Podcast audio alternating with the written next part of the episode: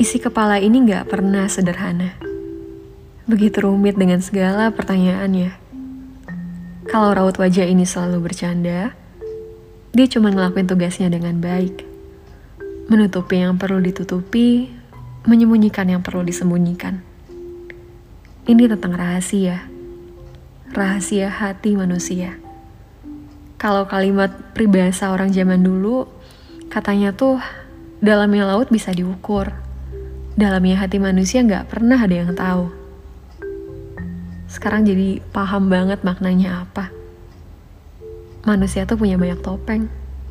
Hatinya juga penuh sekat. Kita nggak pernah tahu ya. Tapi kebayang gak sih? Kalau aja hati tiap manusia itu transparan, bisa dibaca, bisa dipahamin. Nama siapa yang ada di sana? Nama siapa yang kamu rahasiakan?